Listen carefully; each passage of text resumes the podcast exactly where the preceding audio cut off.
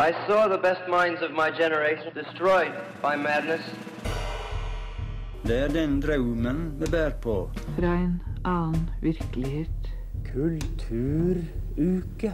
Eh, Ja, jeg heter Dag Solstad, og dere hører nå på Bokbaren, og der er altså jeg. Ja, det er tirsdag kveld. Klokka er åtte, og du hører som vanlig på Bokbaren. Eh, med meg i studio så har jeg Truls Hei, hei. og Johannes. Hallo. Og sjøl så heter jeg Emma. Og hvordan går det med dere to? Det går ganske bra. Har jo drevet og Jeg har faktisk ikke, ikke lest det i dag, da. Ikke lest Kan i dag. Oi, Nei. oi, oi. Såpass. Går det bra med det, Truls? Jeg har vært sjuk i en uke. Ja. Nei, for det Ja, dårlig, dårlig med det, altså. Ja. Hvordan gikk det med deg? Du var jo sjuk forrige bokbarnsending. ja. Nå er jeg helt frisk igjen, så Bra. jeg har tatt med masse te og slappe av på sofaen. Og som du sier, jeg har ikke lest, men jeg har hørt lydbok eh, hele forrige uke, og det er vel dere òg. For denne sendinga den skal handle om lydbøker. Vi, skal, vi har alle tre hørt ei lydbok hver. Eller jeg og du, Johannes, har hørt ei lydbok, og du Truls har hørt et hørespill. Hvilket hørespill er det du har hørt? Jeg har hørt eh, radioteater, eller hørespillet Amalie av Ternevåg. Ja, og Johannes, du har eh, lest ei, hørt ei god eh, og kjent bok. Ja, I kjent bok har jeg vært Erlend Lo sin 'Tatt av kvinnen'. For jeg har hørt at Erlend Lo leser så veldig fint. Ja, ikke sant. Og jeg har eh, hørt Jonathan Ames si 'What's Not To Love'. Eh, så både jeg og Johannes vi har velga lydbøker hvor det er forfatteren sjøl som leser opp. Så det blir jo litt spennende å høre mer om. Vi skal snakke masse om lydbøker i dag. Eh, først så skal vi høre ei låt. Det er Young Dreams med 'Somebody Else'. Ja, du hører på Bokbarn, og i kveld så snakker vi om lydbøker. Og lydbokformatet, det må vel være et forholdsvis nytt format, Johannes? Ja, Ikke helt nytt, men eh, det har nå i hvert fall vært tilgjengelig innspilt, innspilt tale. har nå vært tilgjengelig siden i 1930-årene. Men da var det mest vanlig med å lese inn poesi og dramatikk, da, i motsetning til bøker som romaner, som vi kanskje er enda mer vant til i dag. da. Så har du jo tradisjonen med radioteater, da, som vi skal komme mer tilbake til senere i sendinga òg, som var egentlig begynte å utvikle seg på 1920-tallet, og videre utvikla seg på 30- og og på 40-tallet så var egentlig det en av de mest populære eh, underholdningsformene.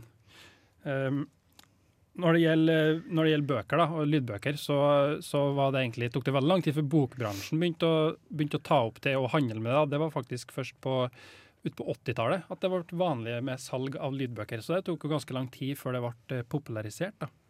Når du nevner det med sånn eh, det å innspille lyd og slikt på 30-tallet, så tenker nå i hvert fall jeg først og fremst på den. Jeg vet ikke om dere har hørt om det, men det er jo en veldig kjent radiosending fra 30-tallet med en skuespiller som heter Orson Wells.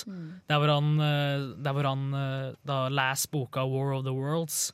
Og det skapte masse, sånn, masse hysteria i hele Los Angeles, og folk trodde at det var jord-Mars-invasjon og sånt. Oi, kult. Det hadde jeg ikke hørt om før. Men det er viktig å huske på i den sammenheng som du sier, at liksom før, før TV-en kom, da, så var det jo på en måte radio veldig populært medium, da, som folk flokka seg I stedet for at i dag så sitter vi jo og ser på TV på kveldene og helgen, mens før var det liksom radio. Så da var jo radioteater og innleste ting på radio mer populært. da.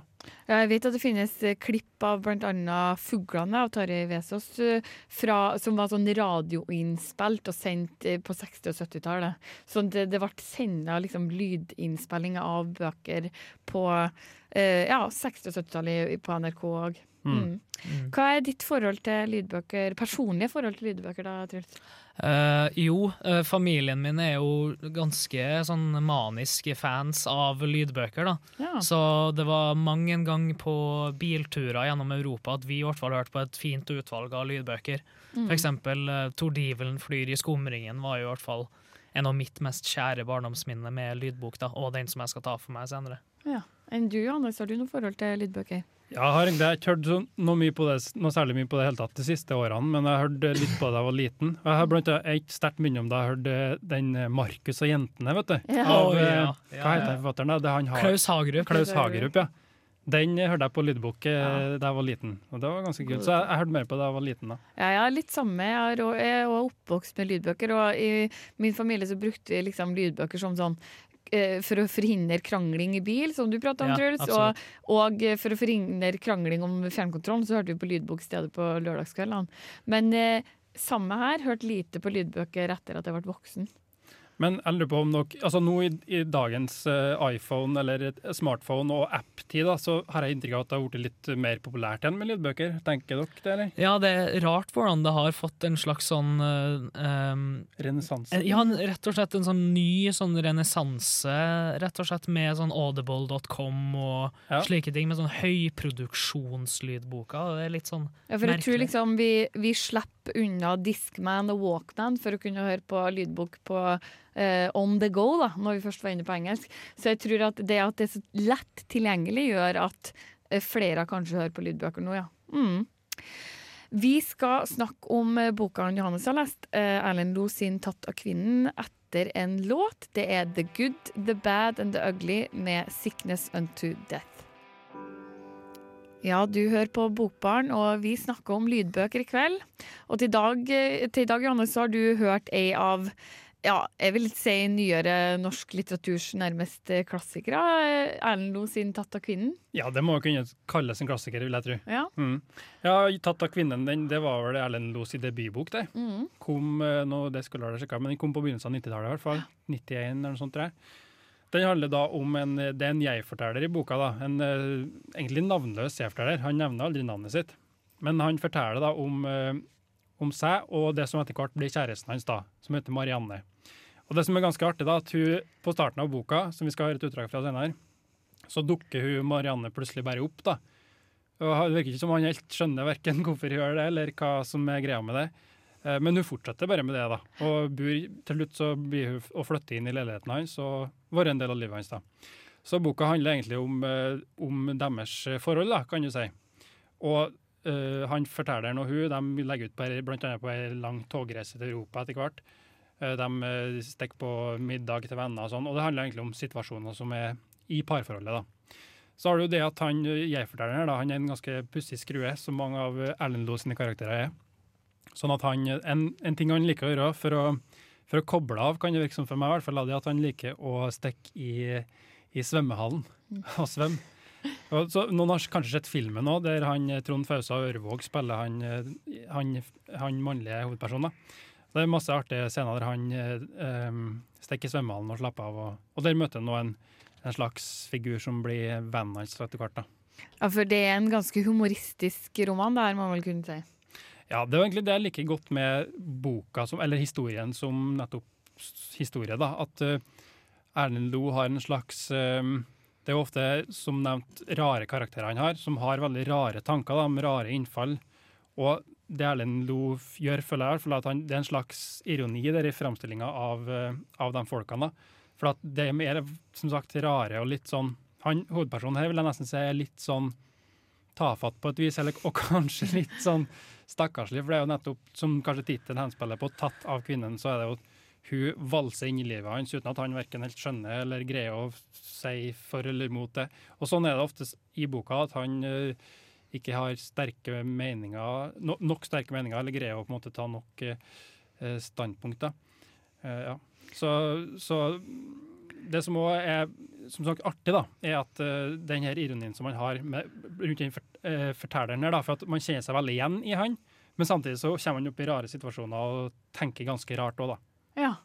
Spennende. Vi skal snakke litt mer om uh, 'Tatt av kvinnen' og hvordan det var å høre den på lydbok, eller som lydbok. Yep. Men først så skal vi høre ei låt. Det er to, Tuva Senum med 'Stein i skoen'. Ja, han Johannes han har lest, eller hørt, eh, 'Tatt av kvinnen' av eh, Erlend Lo til i dag. Og nå skal vi høre et lite utdrag av eh, eh, lydboka hvor han Lo leser opp eh, romanen sin. Det var på den tiden hun begynte å komme oftere, om kvelden like før jeg skulle legge meg. Hun satte seg ned og pratet, alltid om hvor glad hun var i stillhet, om hvor godt det er bare å være alene, pratet og ble aldri ferdig. Det hendte jeg sovnet, forsvant i små øyeblikk, men hun merket det ikke. Jeg våknet, hver gang med et lite rykk av og til med en lyd fra strupen. Da jeg fikk summet meg, oppdaget jeg at hun snakket fremdeles. Om den deilige stillheten to mennesker kan oppleve sammen, om den uendelige varheten et menneske er i stand til å leve i overfor et annet. Ja, det flires litt i studio her. Hvordan er det å høre den monotone stemmen til Erlend Loe lese opp uh, 'Tatt av kvinnen'? Nei, det er veldig, det er veldig bra, syns jeg. Veldig artig. Han har liksom han leser opp Erlend Loe på den perfekte måten, uh, syns jeg. Og det, det, er det sikkert veldig lett å tenke i og med at det er forfatteren, men som sagt, bare man hører det, så syns jeg det passer veldig bra. Ja, det er så, man, vi diskuterte jo det litt sånn innad uh, før programmene her, og Siri ga jo uttrykk for det at uh, hun var litt mer skeptisk til det, men på en måte at når forfatteren leser opp sine egne bøker, så blir det kanskje ofte litt sånn effekten av at åh, oh, nei, nå er det nå er det liksom, det her er ikke det jeg ville at karakterene skulle si, på en måte, med den stemmen. Men med Erlend Lo så passer det liksom bare så perfekt, fordi han har en sånn nøktern, sånn ironisk stemme som er skrevet som han skriver i blekk bare så perfekt i bøkene sine. Så du skulle nesten tro at det var sånn fullstendig naturlig resultat av bøkene hans. Ja, jeg tenker at du sa at det kan av og til hvis noen leser inn i bok på en spesiell måte, så kan det tilføre boka en viss ting. da. Det kan jo være en ulempe hvis at det er veldig mye sånn der, hva skal man si, dramatikk i lesemåten. da. Men jeg føler at Erlend Loe på en måte unngår det litt problemet, for han som du sier, er ganske monoton. da. Det er ganske sånn streit nøytralt, nærmest. Og det er det som passer så godt. For det er en sånn, sånn som den boka her, da, så er jo nettopp han fyren litt sånn passiv og sånn, litt uforstående til det som skjer, men det passer med den stemmen òg, at han bare messer opp det, liksom. Ja, for jeg opplever at, eh, at han Erlend har en tendens til å liksom matche romanene sine litt i måten han forteller på. Hva, hva tror dere om det? Altså, er litt sånn monotone humoren som bare kommer som en sånn selvfølge da, gjennom måten han skriver på. Jeg, jeg, tror ikke det er noen som skriver mer muntlig enn Erlend Lo, sånn egentlig, mm. når det kommer til på en måte selve tankeprosesser og sånt. Så de, han skriver jo så muntlig, og han, eh, så det passer så perfekt, rett og slett, med at Jeg vet ikke, det, det bare passer så utrolig bra. Ja, muntlig, som du sier. altså De rare karakter karakterene hans syns jeg ofte har en sånn litt sånn omstendelig og kronglete måte å formulere seg på. Mm. Som må passe med saktegående fortellerstemmen hans, som jeg hører litt sånn, ja, litt sånn innadvendt, grublende, som er ganske artig. da. Og, men Johannes, du har vel lest andre romaner av uh, Erlend Loe. Hvordan er det å høre uh, bøkene hans på lydbok i forhold til å lese dem? Jeg syns det er forskjell. Jeg, jeg er jo veldig glad i Erlend Loe sine bøker. Jeg har ikke lest alle, riktignok, men annet den siste boka hans, den, eh, den, den, tredje boka i Doppler-serien. da. Den syns jeg er veldig artig i seg sjøl, og den leste jeg da, som vanlig bok. Så jeg, synes, jeg liker humoren hans veldig godt sånn sett òg, men, eh, men, ja, jeg syns egentlig at det, ja, det, det, tilfører noe lite grann, det at han leser opp det, og det, det, tilfører noe bra. Og den uh, siste boka hans som Johannes har lest, den hørte jeg Erlend Lo lese opp på et arrangement på Dokkhuset. Og jeg tror ikke jeg har hatt latterkrampe i 20 minutter i strekk før når han leste opp den boka. Det, det var nydelig. Men leste han det på samme måten som vi hørte den her, eller? Akkurat ja. samme nøktern streitingmåten som med alt andre. Og alt det kaoset som skjedde i boka, leste den uten å gi faen, rett og slett. Mm. Men jeg, øh, jeg har pratet med folk som ikke liker måten han leser opp på i det hele tatt, så syns det blir for monotont og for kjedelig. Tenkte dere at det er fordi de ikke tar humoren, eller kan det bli litt kjedelig? Ja, altså jeg tenker at det, eh, Jeg syns ikke det er kjedelig, men da er det kanskje at de ikke tar formen og humoren alltid, tenker jeg. Ja, det kan hende. Vi skal høre ei låt. Det er Frank Ocean med 'Moon River', og så blir det en liten pause. Hei, hei. Eh, dette er Vigdis Hjort. Jeg liker navnet på denne radiokanalen, Radio Revolt. Hør på magasinet Bokbarn. Det å sitte på bar og lese bok, det er ikke det verste.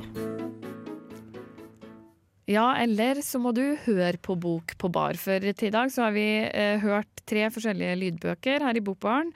Og til i dag så har jeg lest, eller hørt, ei bok som heter What's Not To Love av Jonathan Ames. Og Jonathan Ames han er en amerikansk eh, mann, forfatter fra, eh, ja, eh, fra, New York. Jøde og født i 1964. Og han er kjent for å skrive veldig sånn sjølutleverende essay og romaner. Eh, egentlig Som baserer seg på opplevelsene hans. da. Og jeg tenkte at aller først skal vi høre et lite klipp eh, fra den essaysamlinga jeg har hørt i dag, 'What's Not To Love'. Bald, impotent and depressed. I used to be a breast man, but now I'm an ass man. I still like to nurse on breasts, but it's more fun to nurse on the buttocks. They're like really large breasts. Also, they have such a beautiful curvature, especially if you can get your lady friend to bend her knees while lying on her stomach.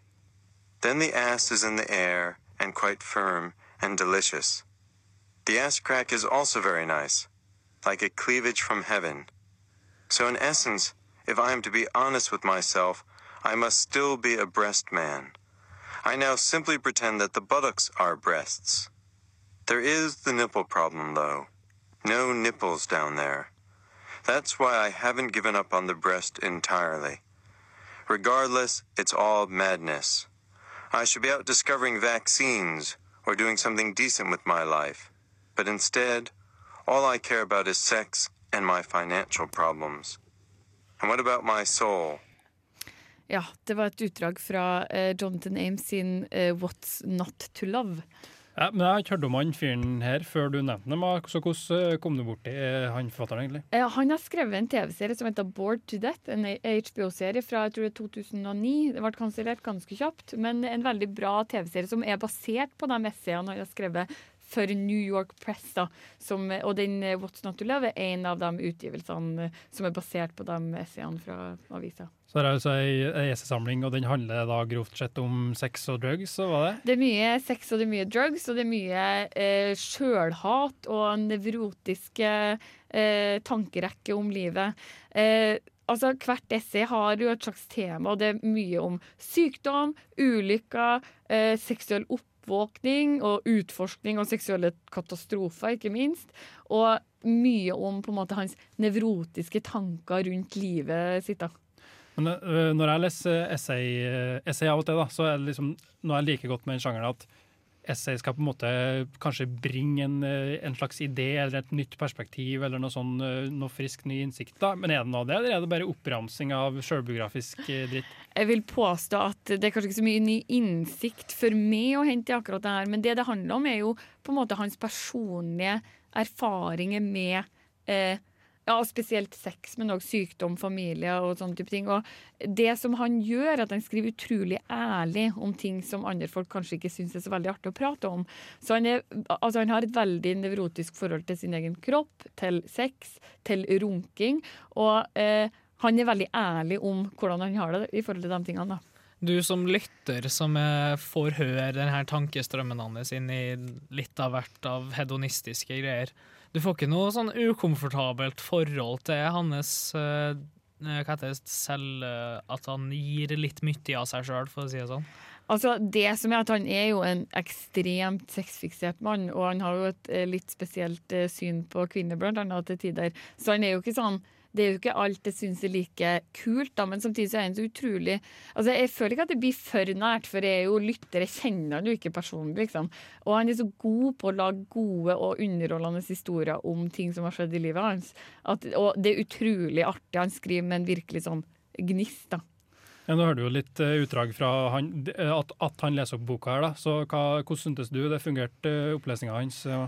Jeg syns at han leser Han leser egentlig litt monotont. Minner meg på en måte litt om eh, Lo sin måte å lese på.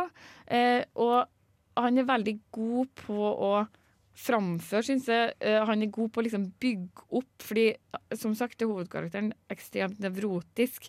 Han kommer med lange tankerekker som liksom ender på en sånn høyde hvor alt går til helvete. Han er veldig god på å liksom bygge opp i lag med det når han forteller. da. Ja, Du nevnte monotont, eh, nevrotisk. Jeg synes han, Og når han liksom snakker om den tematikken og liksom, uh, hva han liker best av tits og ass, og bare sånn, mm. da høres det nesten litt sånn psycho ut. da. Ja, Syns ikke, synes ikke litt, sånn, var litt mye av det gode å høre han, han sitte og snakke om det hele tida? Si sånn, så snakker han jo om sex og sønnen sin ja. og familien sin og ølen sin på akkurat samme måte. Så det blir jo veldig sånn Altså, han har på en måte en veldig ja, monoton måte å snakke om alt på, da. Både eh, både dem Altså, han har veldig mye forskjellige seksuelle eh, utsvevenhet, da, hvis man kan kalle det det. Og du merker liksom at han um, at han prater om det på samme måte som om at det er veldig sjølsagt, kan du si. Tror du det at han leser så nøkternt og streit om så sjuke ting fordi at da den kontrasten gjør at det ikke blir platt, rett og slett, med bare for mye av det gode? Ja, definitivt. Og så tror jeg det er noe med at det her er på en måte hans hverdag. Så for meg så er det For han, han har en scene hvor han snakker om det her med at han er så fascinert av uteliggere, fordi de lever virkelig på kanten av livet. De er liksom virkelig det, Altså, hva som helst kan skje i livet deres til enhver tid. Og så tenkte jeg men det er jo sånn jeg føler når jeg hører om ditt liv, altså Jonathan Ames som forteller om sitt liv. At han liksom til hver tid så dukka det opp dop, det dukka opp eh, transseksuelle som vil ha sex med han, det dukka opp eh, homoerotiske eh, fortellinger. Altså det dukka opp en sønn plutselig. Sånn at eh, jeg opplever jo at hans liv er veldig utsvevende.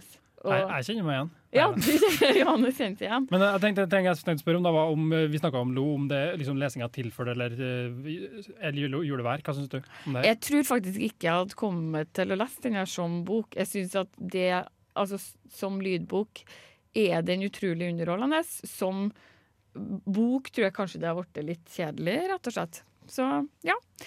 Eh, Det var Jonathan Ames sin 'What's Not To Love'. Vi skal videre og snakke om eh, radioteatret han eh, Truls hørte i dag. Men først skal, så skal vi høre låt. Det er Christian Grostad sin 'Slowly Drowning'.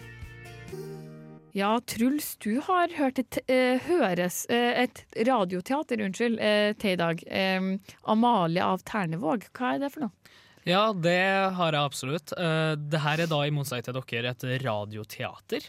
Så det her er da til og med et radioteater som eh, vant en pris for beste barneradio eh, i 2000. Det her handler da om eh, Det her er da laga av Tor Edvin Dahl og Lars Elling. Og heter da som sagt Amalia Ternevåg. Og det handler da i korte trekk om en sommerferie i Nord-Norge med mysterium, spøkelsesskip og tapt kjærlighet. Spennende. Utrolig spennende, faktisk.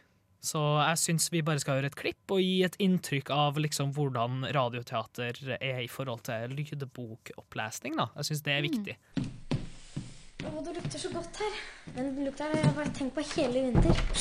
Det lukter bare tjære og fisk. Det er ikke sånn fisk lukter i Oslo. Det er mye finere her. Finere enn i Oslo? Det er det vel.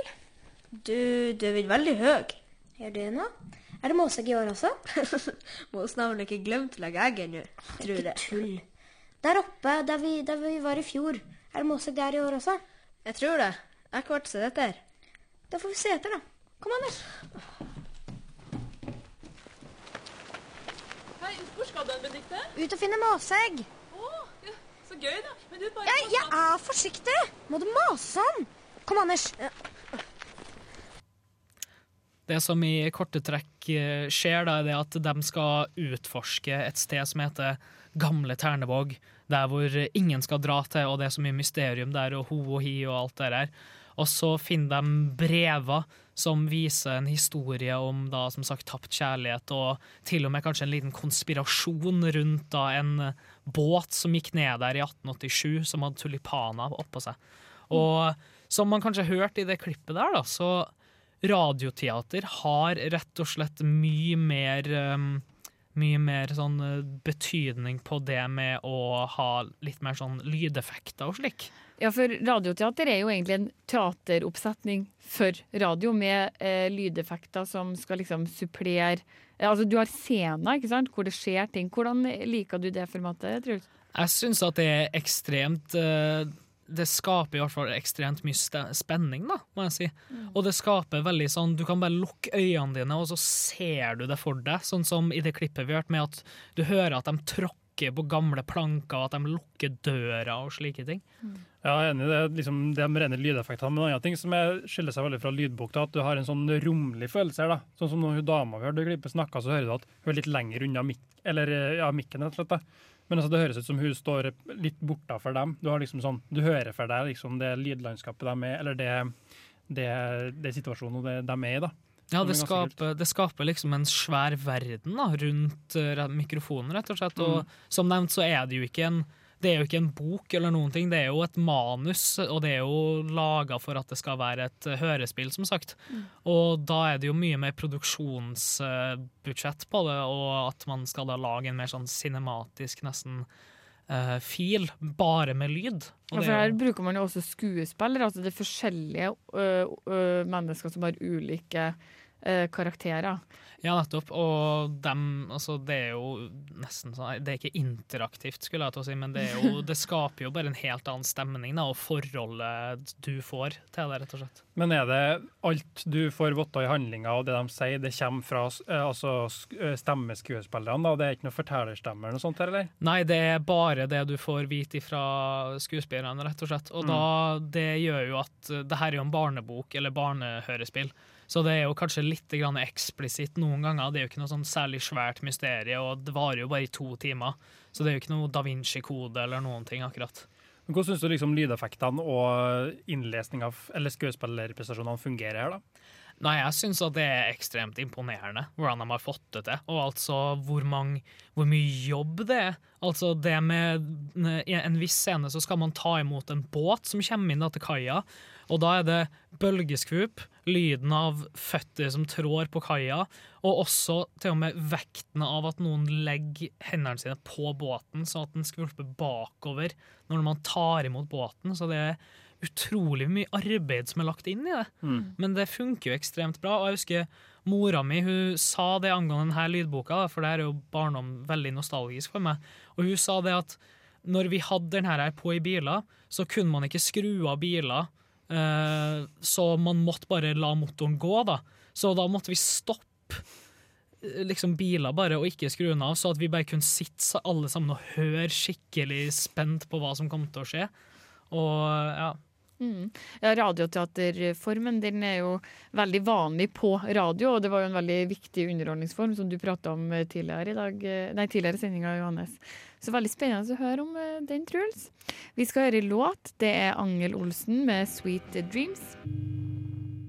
Ja, lydbokformatet det er både elska og hata, det opplever jeg. Hva er det som fungerer når man hører på lydbok? Hva er det som gjør det bra? En ting som jeg liker veldig godt med det, er at øhm, jeg kan bare først si at jeg, likte, jeg har ikke hørt noe mye på lydbok de siste årene, som jeg sa, men jeg likte veldig godt nå da, når jeg hørte på Erlend Lo. Men det som er fordelen er jo at du kan gjøre det mens du gjør andre ting. rett og slett. Mm. Så når jeg, ellers da, når jeg leser bøker, så må jeg på en måte sette av tid til det. Men når jeg hører lydbok, så kan jeg gjøre det mens jeg går til bussen eller øh, et eller annet sånt. Ja. Ja, og det er kanskje der hvor jeg vil, um, vil legge mitt første sånn, uh, min første gripe kanskje med lydbok. da, fordi det er jo nettopp det på det med at du kan bare liksom gå rundt i parken og høre på det. ikke sant? Og det er kjempefint, selvsagt. Det er et veldig fint alternativ. Istedenfor å lese en tusensiders bok, så, så kan du bare høre det.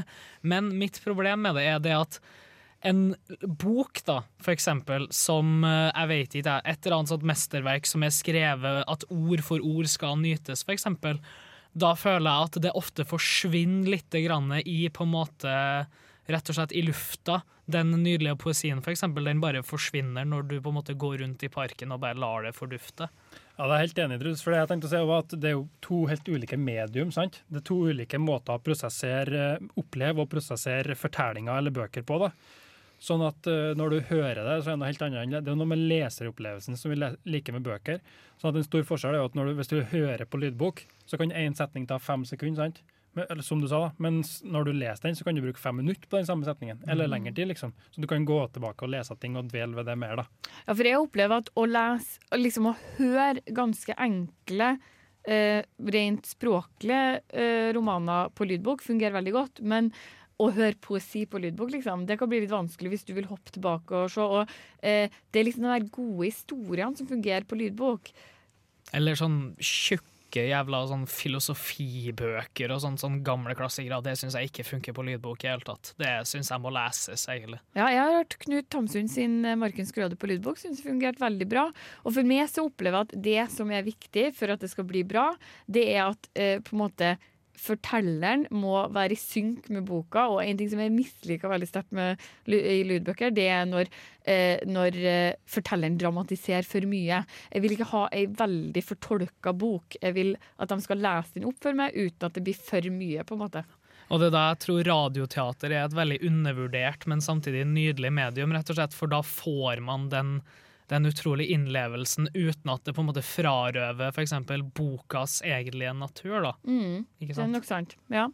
Men eh, alt i alt så eh, personlig også vet jeg at jeg liker veldig godt at det er forfatteren sjøl som leser det. Både jeg og du gjort i dag, eh, til i dag, Johannes, eh, valgt bøker hvor forfatteren sjøl leser. Mm. For jeg opplever det liksom at hvis den først skal fortolkes av noen, så, kan i hvert fall, så må det i hvert fall være forfatteren. da. Det syns jeg liksom er litt mer Ja, det ligger jo en slags autoritet i forfatterfortelleren, ja. men så er det også det med at det sparer tid da, for meg, som er en kul ting. Ja, veldig bra. Fint å kunne strekke og eh, høre på lydbok samtidig.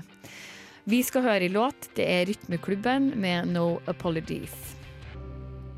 Ja, vi har prata om lydbøker i Bokbaren i dag. Og jeg vet ikke, hva syns dere eh, om lydbokformatet? da? Kommer dere til å fortsette å bruke det? Ja, jeg gjør det, tror jeg. Ja. Jeg hørte jo en veldig fin lydbok da, med Erlend Lo som lest, så da var det en ganske god opplevelse for første gang på lenge. Men jeg tror jeg skal fortsette med det. Mm. Jeg har et par lydbøker som jeg må høre ferdig, og kanskje jeg skal høre Sult for tiende gang. Så jeg liker det veldig godt. Ja, så Sult det er jo en klassiker. Den liker du å høre på lydbok. Men den er kort. Den er kort, okay. Det, det er liksom Det kommer an på. Det kommer an på, ja. Personlig så hadde jeg en veldig god lytteropplevelse med eh, Jonathan Ames sin 'What's Not To Love'. Og jeg tror jeg kommer til å kanskje høre flere bøker av han, men òg eh, eh, andre bøker av eh, ja, av, med forfattere med gode historier. Da. Mm. Ja. Kunne jeg, ønske meg, jeg har en sånn app som heter Storytel. Tror jeg, jeg kunne ønske meg litt flere bøker, så jeg må prøve å finne en måte å finne flere kule bøker på. da. Som Ja. jeg ikke helt har knekt den koden ennå. Men, spørs om man må utforske biblioteket ditt. Ja. Vi eh, skal runde av for i dag. Jeg sier takk til eh, Truls og Johannes og Rebekka, som er eh, tekniker. Og eh, husk på å følge oss på sosiale medier, Bokbarn, både på eh, Instagram og på Facebook.